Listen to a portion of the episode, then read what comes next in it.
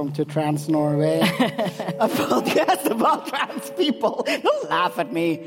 I'll get the hang of it. Um, I, I swear he has not been drinking like at all. He just seems very drunk for some reason. I think it's just his like natural state. it's my natural state when I'm supposed to talk English on stage. It's fine. It's very cute. We we like uh, kind of Norwenglish. Thank you. I do appreciate that. So, welcome to the podcast. It's called Trans Norway or Trans Norge, and it's hosted by the Patient Organization for Gender Incongruence. And I can say that in English. I'm very proud of myself. Yeah, it, it, it, it is a mouthful. It is. Yeah. Well, first of all, um, happy birthday to everyone. We're very happy. Um, so, uh, this will actually be our first episode, I think, that we are doing in English together. Yes. Yes? Yeah. So, we're going to try our absolute best. Um, bear with us if we uh, sometimes struggle a little bit, but I think we'll be okay. Um, so, sort of, this event, when it was um, advertised, kind of centered on like the concept of trans joy, Woo! which I think is like, well, it's good that some of us are happy at least. I'm trans happy. No, that sounded really negative from me. I swear to God, I'm I'm happy too. It's just like I don't know. I like being like um, the serious one when he's like silly. I feel like it matches. But the concept of like trans joy, I feel like has become sort of more and more visible lately. Um, and one such idea is like the term gender euphoria. And I don't know how how many of you have heard like the term gender euphoria before. Yeah, so like most of you, that's that's very cool. Um, I also think that it wouldn't have been the case if you just go like maybe five years back, conveniently. Um, Let's go five years back and look at how dark the world was. No, sorry. in the in the old times, Yes. in the Middle Ages. Um, no, but uh, but actually, even though the term like gender euphoria kind of um, has become more and more commonly seen, it's not actually like a new term. Um, a lot of people, especially people who are sort of critical to the trans movement and who are centered on like a trans medicalist view, um, will often say, or at least I feel like I'm hearing this more and more whenever we talk about the concept of gender euphoria, it's portrayed as this sort of new thing, as a part of the like trend of transness or whatever. Um, but it's actually sort of quite old. It's been used really actively by trans activists um, in various countries, at least since the beginning of the 1990s. So, like the concept that transness is not just about sort of all of the things that are bad, the dysphoria, but also about like the euphoria is actually, yeah, it's not like a new concept, even though it's become more spread out. Trans people have been happy also. Yeah, In, in the past in, too. the, in the past. sure. Um, but so I kind of wanted to start with a story that is sort of not directly about sort of PKI, but um, you know, over 10 years ago, um, you and I and a bunch of others were um, a part of uh, creating this like little book, and it never really like properly got published. I think it got published in like one like they published some of them and gave it out. Uh, it was a part of Queer Youth, um, and then sort of everyone sort of lost track of the original copy, and it never got anywhere. But I think there's like, if you go into the storage of Queer Youth, you would probably find like a couple of these books. maybe, yeah. yeah. Yeah, the physical ones though, Yes, not yeah, not yeah. on the website. No, No, no. This is this was before the digital age. Yes. And I was young.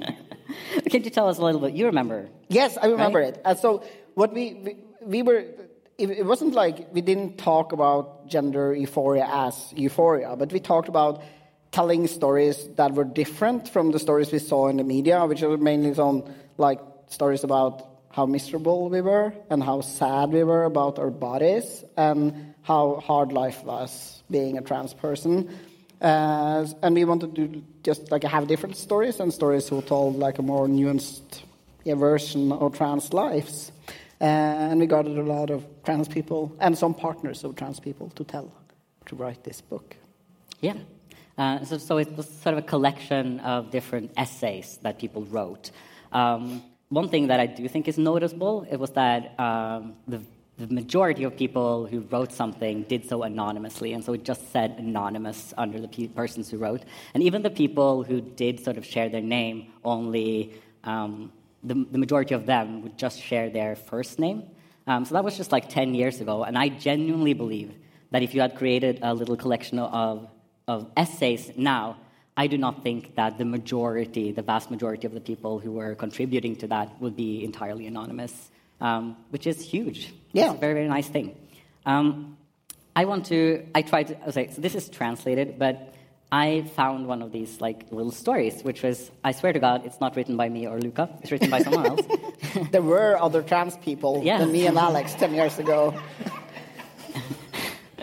and uh, I kind of wanted to read from it because I think it's it's still um, an sort of interesting piece, and it says something about the situation then, and um, also about trans joy a little bit.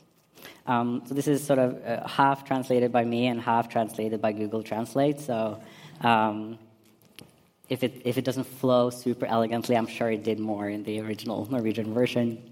Being trans should be positive this is the, the name of it. He says, For many, gender is everyday and simple, but for me, it has always been difficult and complicated. I've never felt any belonging or community with others who have the same body as me. To be trans is to break with the idea that body is identity is gender. After being trans for a while, I realized that gender is even more complicated than I could first imagine. Gender is medicine, body parts, psychiatry, right and wrong identities, and law, society's regulations of people's genders. All of this complication makes my trans a little less fun and a little more fuzzy. I have started testosterone, the male sex hormone that gives me a dark voice, hair, and hopefully, with a little exercise, lots of muscles. the day I pass as a man, I will dress up and join the Women's Day March and the gay parade with a sign that says, I was born a woman. Can't you see that? With hair sticking out of nylon stockings.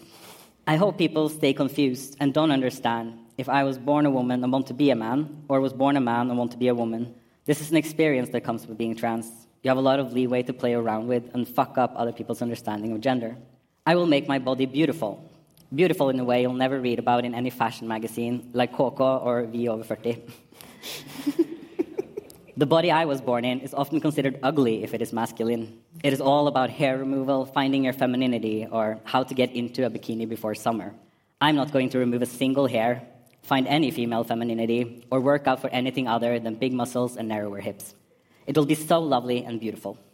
I look forward to waking up in the morning with a beard and feel handsome, or with a chest hair and feel tough. That's my euphoria.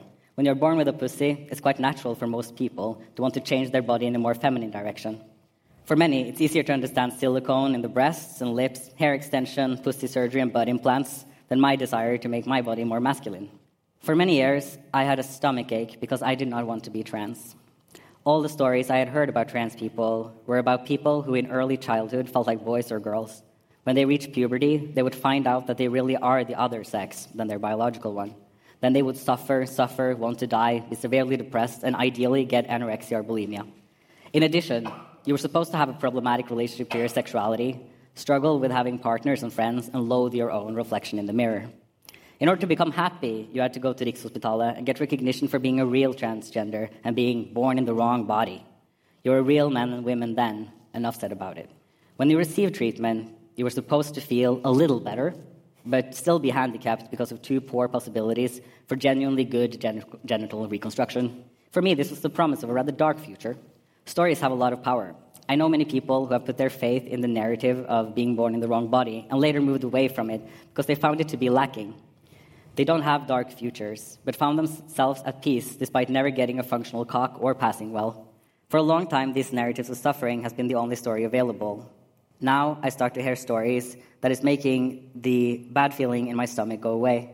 Stories that give me a feeling of fear and excitement. Stories that say that being trans can be challenging and fun and exciting. And that was kind of the uh, introduction or explanation for that little essay book. I think it's lovely. It is lovely. Yeah. And it's, yeah. Yes, it is lovely.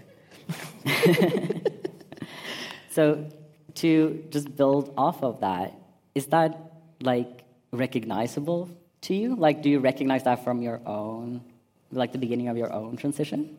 Yes, I do. I was so there wasn't many stories in the media or anywhere when I started my transition, and the stories I saw were either very like sensational and not really about trans people. It was about how cis people viewed us, or it was sad and dark stories about how miserable life was and how we were supposed to hate ourselves and yeah, feel bad about our bodies and how we were basically not going to be feeling any good. And also, it was kind of uh, yeah, that was also the story I was told when I eventually got to Rikshospitalet. Yeah. It was it was part of the trans experience was to be miserable Right. in every every way. Yeah. And I don't know about you, but um, when I was at Rikshospitalet too, I very much felt like a part of what it was doing were kind of prepping me to be a little bit miserable for the rest of my life. Yes. That it, I, I genuinely mean that. It's not even like me trying to, to, to joke. It's this way of, of talking where um, one of the things you kind of have to come to peace with is the fact that you will always be kind of fundamentally broken or like never be like fully complete. Yeah. Yeah, and they said that to me like you you know that people will probably not love you. like you will probably have a hard time finding a partner and it's, you will probably never enjoy having sex. It's like you're going to feel like not a real or proper man. You- okay. You have to like That's that's like that's worse than with me. Are you sure they didn't like also just like per- hate you personally? I think they also did hate me personally. Yes. yes. Because like you were already quite visible, Yes. right at the at the time. Yeah, I was very visible, but I also think that you you should never underestimate the people working at Rikshospitalet, uh, like uh, evne, Uh, ability? ability to not get any information about what is moving around in the trans community. Right. They're like very oblivious to the fact that there is a trans community. So I think that by by of course I was at Rikshospitalet for a long time, which is the way it should be. You should start and be there for a very long time. So by the time I was finished, they of course all knew who I was. But in the beginning, I don't think they. It's interesting how they like hate us so much, but they also want us to be there all the time. Like they just they want us to be there like for our entire lives. It feels like Yes. you would have thought that they wanted to be get rid of us. Yeah, you would also think that they would probably like maybe I don't know get another job, like they're doctors. But come on, it's like. yeah, so that was the every episode needs to trust Riksen a little bit, but it is fascinating because like most of them are like they're healthcare professionals. It's like the one like profession where you can always get another job. Why? Yeah. Why? Yeah. Oh yeah, for sure, for sure. It's really funny. There, uh, I mean, we we weren't going to talk about this, but we were introduced to the fact that Yeah. that like on the bad, I had this like portrait interview of her, um, which is like four pages or something like that in like Dagens Næringsliv, and You like just read it before read we it. came on. Um, and and it's such a like oh it's really hard for me it's so hard for me and it's just like in the back of your mind just like you can literally just change your job. It's like like you can solve this like so easily. It's not like it, it, you're, it's not you're not that much of a martyr in this. But yeah uh, well leaving that aside um, since you know this is like a day where we're kind of celebrating you know i mean growth and like uh, history because i feel like that's what um, sort of anniversaries are. It's like a little bit about like where we are now and like celebrating that. And it's a little bit about celebrating like or not celebrating but at least looking back. And even though uh, obviously five years isn't that long but we can go a little bit further. But it's five trans years, and we all know Yeah, that trans years true. is it's different. that's true. Which obviously means that like you are ancient. And I have already proven that multiple times. So, yes, I am. But I'm a little bit curious um, if, like, uh, did you have like a concept of gender euphoria as like a thing that existed in your early transition? Like, do you remember that as being something that people talked about? Not the wording, but I do remember how looking out outside of Norway and like going on to YouTube and watching people doing their like, this is my this is my voice one day on T. Yeah. "This is my voice." Five days on T uh, videos. yeah, that's the timeline. Five days. Um, yeah, but I, I, do remember that, and that people were like, they were, they were happy, or they were just like also normal people who did other stuff than just have a voice every day. wow. There was a lot of just having a voice. Uh, and I think that was the first time I saw people who were uh, not miserable yeah. uh, and who talked about other aspects of life also than their medical transition. Um, yeah, and that made me both very happy and kind of angry at the same time. And I also got this like I want, I had this urge to be very happy. If you get it, like being happy felt like somehow a little bit of a political move in itself. Yeah. To be like, fuck you, fuck Riksdagen, fuck it all. I'm gonna be. I kind of yeah. think it can be. To me, that has also been like an easier path Yeah. to being happy. Has been to be a little bit spiteful. Yeah. Like it just made it Like easier. angry happy. yeah, rather than having this like soft, like, oh, I deserve it. It was like, mm. But it was just like, it can make other people angry. I was like, oh, uh, that felt good. Um, but uh, speaking of, like, just talking about you being ancient and everything, Thank you. uh, what kind of like, what kind of vision would you say that you had for yourself? Like when, when, like before you started your transition, or like when, like when you had fully kind of conceptualized yourself as trans and thought like this is something that I'm going to do, I'm going to transition. Um, you know, if you had like seen yourself now, you know, do you think you would be like surprised about your gender presentation like 15 years later, or Yes. like At yeah. least today, yes, definitely. Yeah, I think I would. Um, I because think, you never would have matched like a pink hat with a red don't talk sweater, about right? I think no, you would have 15 years ago too. That's think. true. I would, but yeah, I think that yeah, I don't like the color of pink and red together. But it's like my only options. I couldn't buy beautiful. myself a blue cap. I could, We had, but we had like a long discussion about this over by the caps earlier. yeah, everyone should get a cap.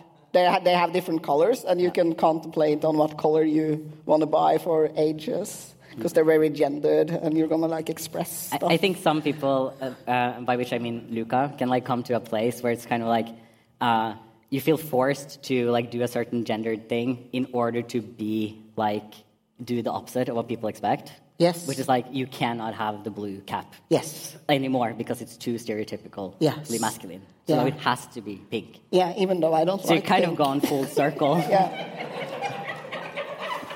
yeah. back to having to wear pink. Yes. the thing I was trying to escape. Yes. Okay. Yeah. But, But I'm very happy about it. I am. I am. Great. Okay. Yeah. Yeah. But I think, I think that I didn't first like before I transitioned. I didn't really have a picture of a future at all. So like realizing I was trans was getting or gaining in a picture of being an adult. And of course, there was not like there were trans people around who were older than me, and some of them are even here today. Uh, thank you for that. And being like, yeah, something I, someone I can look up to. But I, I don't. There's like a lot of things I didn't imagine, like being happy, like really being happy. I didn't imagine that. I was imagining being kind of not miserable, but I was like kind of imagining being very awkward and like always being this like, Ugh, very trans. Like it's yeah, this awkward feeling. Uh, and no one told me that there's gonna be a time where you're you're actually not gonna think about the fact that you're trans, like Yeah. in many days in a row. yes, because that happens now. So as you know, me and Luca, we never think about trans Yes. stuff anymore. Gender, that's what's that? Um, no, amazing. I'm I'm not sure. I I think I would have been surprised. I think I think I had like a concept of myself like back then as being feminine, uh, or like a more feminine man, I guess. Um, because those are different, right? Like the standards for what we would say is like feminine is different in a man than like a woman. Yeah. Um, and uh, I think I never, I, I think I never would have guessed that I would be like this masculine. Always, I'm not like very masculine, but I think Compared I, to what you were, you're very masculine. compared, yeah, I don't know, uh, yeah, compared Yeah. to what I was in my early transition, Yeah. yeah, for sure, yeah, yeah, yeah. which is also really funny because for people who have known me for like a long time, they still have like this internal concept of me as being like very effeminate. Yeah, yeah. when I Um, when I'm when I'm like supposed to describe you to people, Yeah. if they don't know who you are, I'm just like it's Alex, like the very effeminate guy. Yeah. You know, it's like very feminine. And people are like, I don't, I don't, I don't. Yeah, like you and Christina sometimes talking about me Yeah. to others, like being like, oh, it's talking about he has like this effeminate little twink. Yeah. And people are like, who? or they're You know just that like, bearded guy over there. well, now, now I'm like shaved a little bit, like with like when I like totally shaved head and like grew my hair, sh- beard out a little bit, being like, that's like just like a thirty-year-old man. Like that's. but yeah, it, it's it's weird. that, Well- that twinkiness goes away. Yeah, that happens. Ah, it does happen. you can't you can't play that game forever. no. Well, you can try at least, I think. I'm I'm not trying very hard. Um, but yeah, cool. Uh, anyway, back to kind of uh. Good. the trans try. I just love talking about ourselves. That's why. That's why we have a podcast. That's that's so much of our podcast. um, luckily, people like that.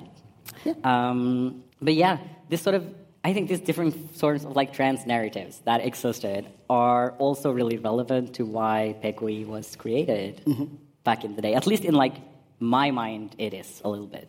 Um, and I mean, you and I have talked about this before um, about how I guess we both had like a feeling that the sort of trans and queer communities that existed before were often like not fully able to capture, I guess, like the diversity, and that they felt like there was this kind of split. Um, and that split and that fragmentation wasn't like getting better. It was kind of felt like it was just getting worse. Um, so I thought maybe we could like talk just a little bit about that. And like obviously when we're talking about sort of why PKI was founded as an organization, we're talking about sort of I mean, we were part of founding it, but so were other people, and they had probably their own sort of ideas and motivations for why this organization was needed. And I think a lot of people came into it with a lot of different ideas about what it was that we wanted to create and what we wanted to sort of um, end up making. But you know, for us, like for you, I guess, um, do you remember, like, maybe start with what do you remember about like the conversation that we had like prior Yeah, to like making the organization like officially? Yeah. So we talked. We talked a lot. It's like a political, strategic conversation we had. But the, the trans community, to me, felt like fragmented in a way where it was like divided between different ages and also different genders, and also who did and did not have access to gender affirming care at Rikshospitalet. That was kind of like the main divisions. And of course, the the other, not to mention, do not mention them by name, but the other patient organization that works for people who need might need gender affirming care, were kind of, to, uh, to me at least, very centered around this like uh, trans medicalist view and this like sadness and uh, the, the suffering and being sick kind of narrative. And I think that creating uh, PKI for me, or uh, it was like a political move, but it was also about trying to make like a different place where people could actually like be happy and be together in happiness. And also, you're you're very welcome to be miserable too, of course. Uh, But uh, yeah, but you you are, and we're gonna like support each other being miserable and make each other happy again. That's Yeah, so if of- you yeah. are like a sad trans, we love you still. yes, You are very welcome. Uh, you can be angry. I think me and Luca have often been like solidly in the like angry category. yes. but It's also my happy. go-to feeling. Uh, you can be both. Um, but yeah, definitely. Um, but for me, I think also it was like um, just talking about like these different like concepts or narratives that people had. Um, I think on the one hand, you had sort of the very transmedicalist view, which is also in many ways like a sad view because m- like medicalization in general always comes with this sort of sense of saying, you know, oh, this isn't this is something that we can't help. Uh, you know, like we're suffering from this sort of illness, um, and you know, you should feel sorry for us, which I think can be like appealing, and it sort of it, ca- it makes sense to me that people can be drawn to that narrative, even as like trans people. Yeah, and especially if you're feeling a bit sad, Yeah. which of course some of us are at some times, also because society is terrible to trans people. Sure, and it also comes with. Um, I mean, if, if the if, if what you have on the other side is someone saying like you're really immoral, you're degenerate, uh, or you're sort of facing violence and you're sort of being blamed for this thing that you feel like you can't help, then going to medicalization can be like a very pleasing alternative, right? Because it's moving away from saying like you're a predator, you are um, all of these sort of um, horrific things that you can be blamed for being uh, over to sort of being someone that you should feel sorry for and that should get help. And you see that with like gayness as well. I mean, a part of sort of normalizing being gay is like, uh, like of course, it's not good that being uh, like homosexuality was considered an illness, but for some people, the move from it being seen as like criminal, as like, like going from criminalized to medicalized, was still seen as like better because you went from being seen as like a criminal predator to being someone that you should feel sorry for. Yes. And I also think that being like the medicalization comes with there's people who say that the thing you feel and think about yourself is actually real. It might be a real illness, but it's still a real thing. And like healthcare professionals who have this like privilege of giving diagnosis are telling everyone that this shit is true. And of course, that can make you feel better than just saying, I am whatever you say you are, and the rest of the world is like, no. yeah. Yeah. Yeah, yeah, for sure. You can kind of get branded as like, you are real, Jing. And Approved then, like, yeah. by Rikshospitalet. And then a doctor has said it, so it has to be true. It has to be true. Yeah, yeah, yeah. we know better now, but yes, yeah. it makes sense. Yeah, yeah, yeah. Well, for sure.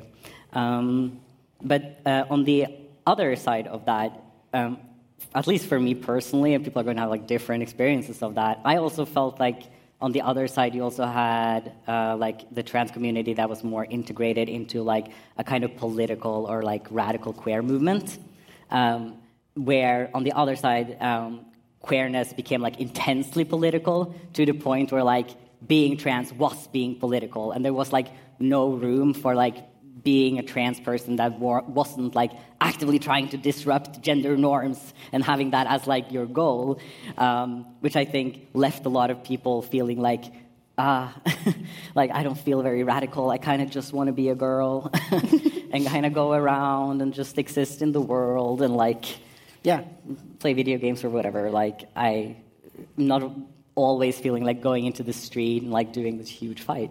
Yeah, and I think we, yeah, so the, the goal was kind of to, yeah, house all these people into one organization or one community. Yeah, at least that was for me. That was like part of the goal, and obviously, um, not everyone agreed with that. I remember I had a lot of conversations as well where people were really skeptical of it. Yeah, um, including people who were like are like trans positive and like in the community and everything like that. But it wasn't like entirely uncontroversial. Uh, as a lot of people thought that it might just like split Mm-hmm. That it wouldn't work, it would just cause a further split in the community, right? It would create just like another fraction. Uh, it would be even harder to get people to come together.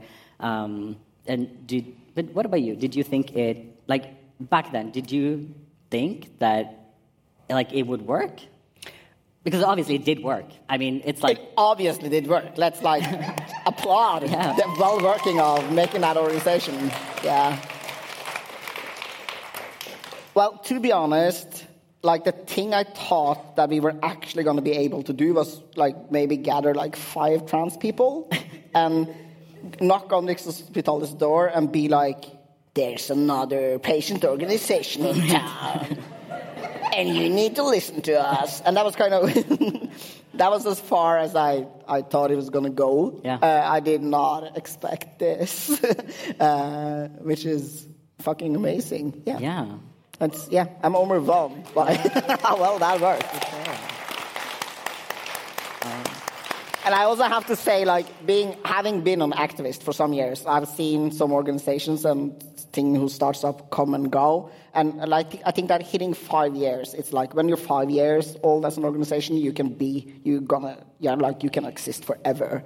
It's like the people who, yeah, but it's yeah. true because like the people who started it, we're kind of far gone. We're not gone, gone, but yeah. And some some new people are like taking we over. We didn't do was, this. Let's, we, we did not do this. I did. We didn't contribute at all to this. There was like other people who did this. Yes, and uh, yeah, who was not part of like starting up the organization, but who who now owns it and runs with it, and it's beautiful and makes definitely. me feel a lot of trans joy. uh, I, I also, um, I, or I don't know, like, I was not convinced either necessarily that it would work.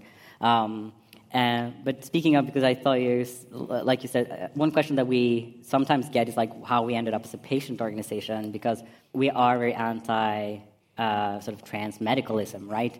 So how did we get there? Uh, I think that the way that you described is like very right. I mean, the answer to that was that we had experience over time that the only way that you could get heard or seen as like a stakeholder in um, topics surrounding specifically trans health was to be officially a patient organization. Yeah. And so that was like the name of that was like a super strategic choice, I would say. Yes. That was something that you know everyone who was a part of uh, of starting it up had that conversation, and it was kind of like, well, yes, it has implications of sort of accepting a kind of medical thing, but the benefits of it are greater. Yeah. Um, because at the end of the day, it's it's much harder to ignore someone that says we are a patient organization. Yeah. Um, Can I say a fun fact? Like the, in Norway, there's no like uh, legal difference between a patient organization and any other organization. So it's like it's just the name. It's just a Yeah. name. Like if you say you're a patient organization, you're a patient Yeah. organization. And I was doing research when we were like starting up the PKI, where I was like, what, what do we have to do to be a patient organization? And then it was like, you can just say that you are. Yeah. And I was like, whoa, that's very radical. You just have to identify as a patient organization, and all of a sudden you are. Yeah. So And it's good that they're like pro identity Yeah. in some ways at least. yes, I Let's love things Yeah. that are identity based. It's hundred percent, yes.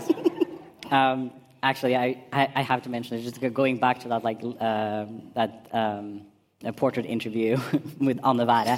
Uh, so You one of have the, to read it's it. so funny. I'm sorry, uh, but one of the things that it has this little thing on the side where it's kind of like, what podcast are you listening to? And it's I, I kid you not, it's the witch trials of J.K. Rowling.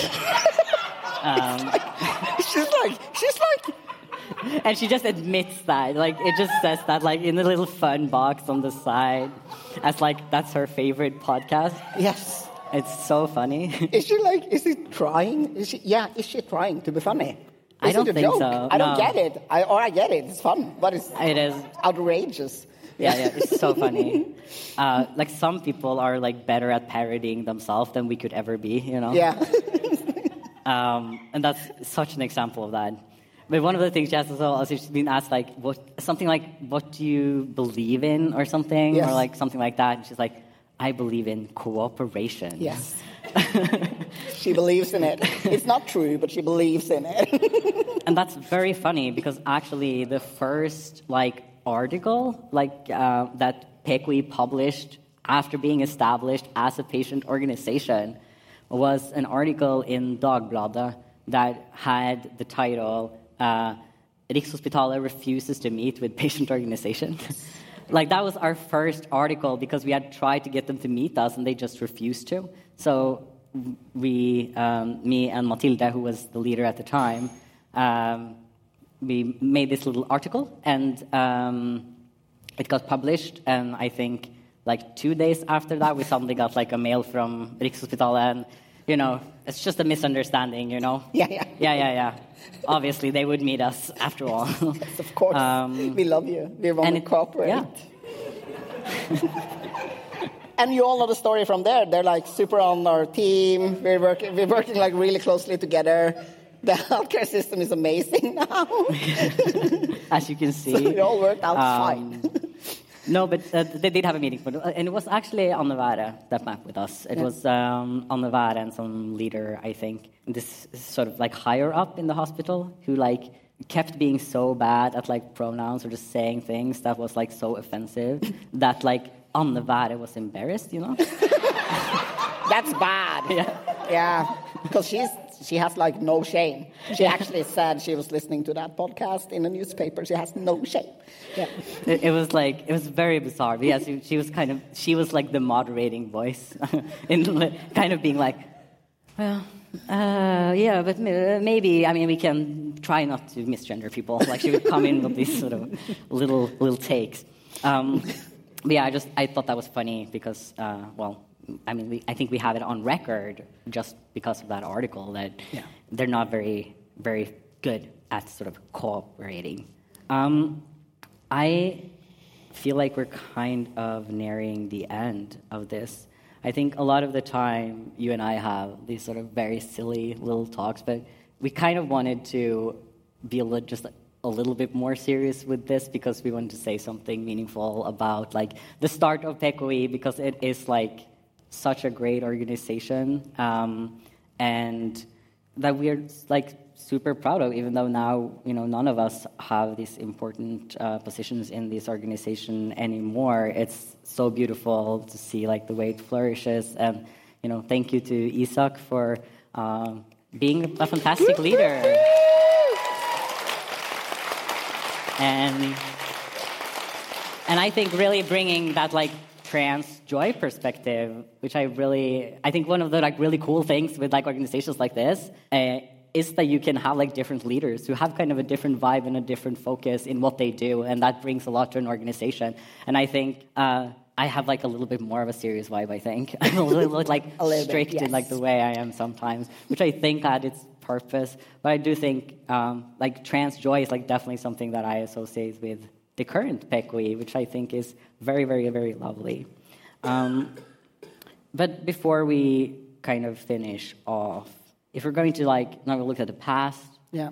so I think we should like look to the future. Yeah. Um, so, you know, we talked a little bit about what we thought PKI would look like going forward. And we got kind of like, we got a little bit like inspired because like it's becoming more and more popular to do this like long, like, what's called like long-termism, which is like when you kind of go like really far into the future. Uh, so it's not like in 20 years, it's like, what about in a thousand years, you know? What Yeah. about in a million years. So we thought that we would see like what would PKI be like in like a thousand years. Yes. Um, And of course, in a thousand years, we will have accomplished our goal. And our goal, as we all know, is to make everyone trans. yes. Yes. Because it's only through transness that you can experience true joy. Yes. Uh, yes. and uh, we have come up with a like bulletproof system Yes. of how to make everyone trans. And so this is what we see like in the future, uh, a thousand years in the future. We believe that uh, is now uh, sort of uh, governed um, by like a sentient supercomputer AI. Um, and this AI is responsible, it, it's everywhere, and it's responsible for uh, like uh, assigning different, uh, very strange genders to everyone that's born. Um, and there's over 3,000 of them. yeah, that's Yeah. the amount of gender we need. Yes. 3,000 approximately. And then, like, all of these genders uh, have, like, very strange norms connected to them so that no one actually feels like the gender, like, fits them. Yeah. So it's like, you know, things like you can only fall in love with people who are born on the full moon It's like a part of one of the yeah. genders. That's like that, that's what Gen Z Yeah. people are doing now. You can only fall in love with people who are born in you can January. only wear like lilac, polyester. Like, Yeah. like those are like very specific like norms connected to each gender, um, so that like no one feels like their assigned gender suits them. So they're all trans. Yes. Um, and on the off chance that someone actually ends up fitting one of these genders, um, we'll just like assign it again so that no one has to be cis. Yeah. So you can come and apply to what is called the Rikshospitalet if you Yeah. like.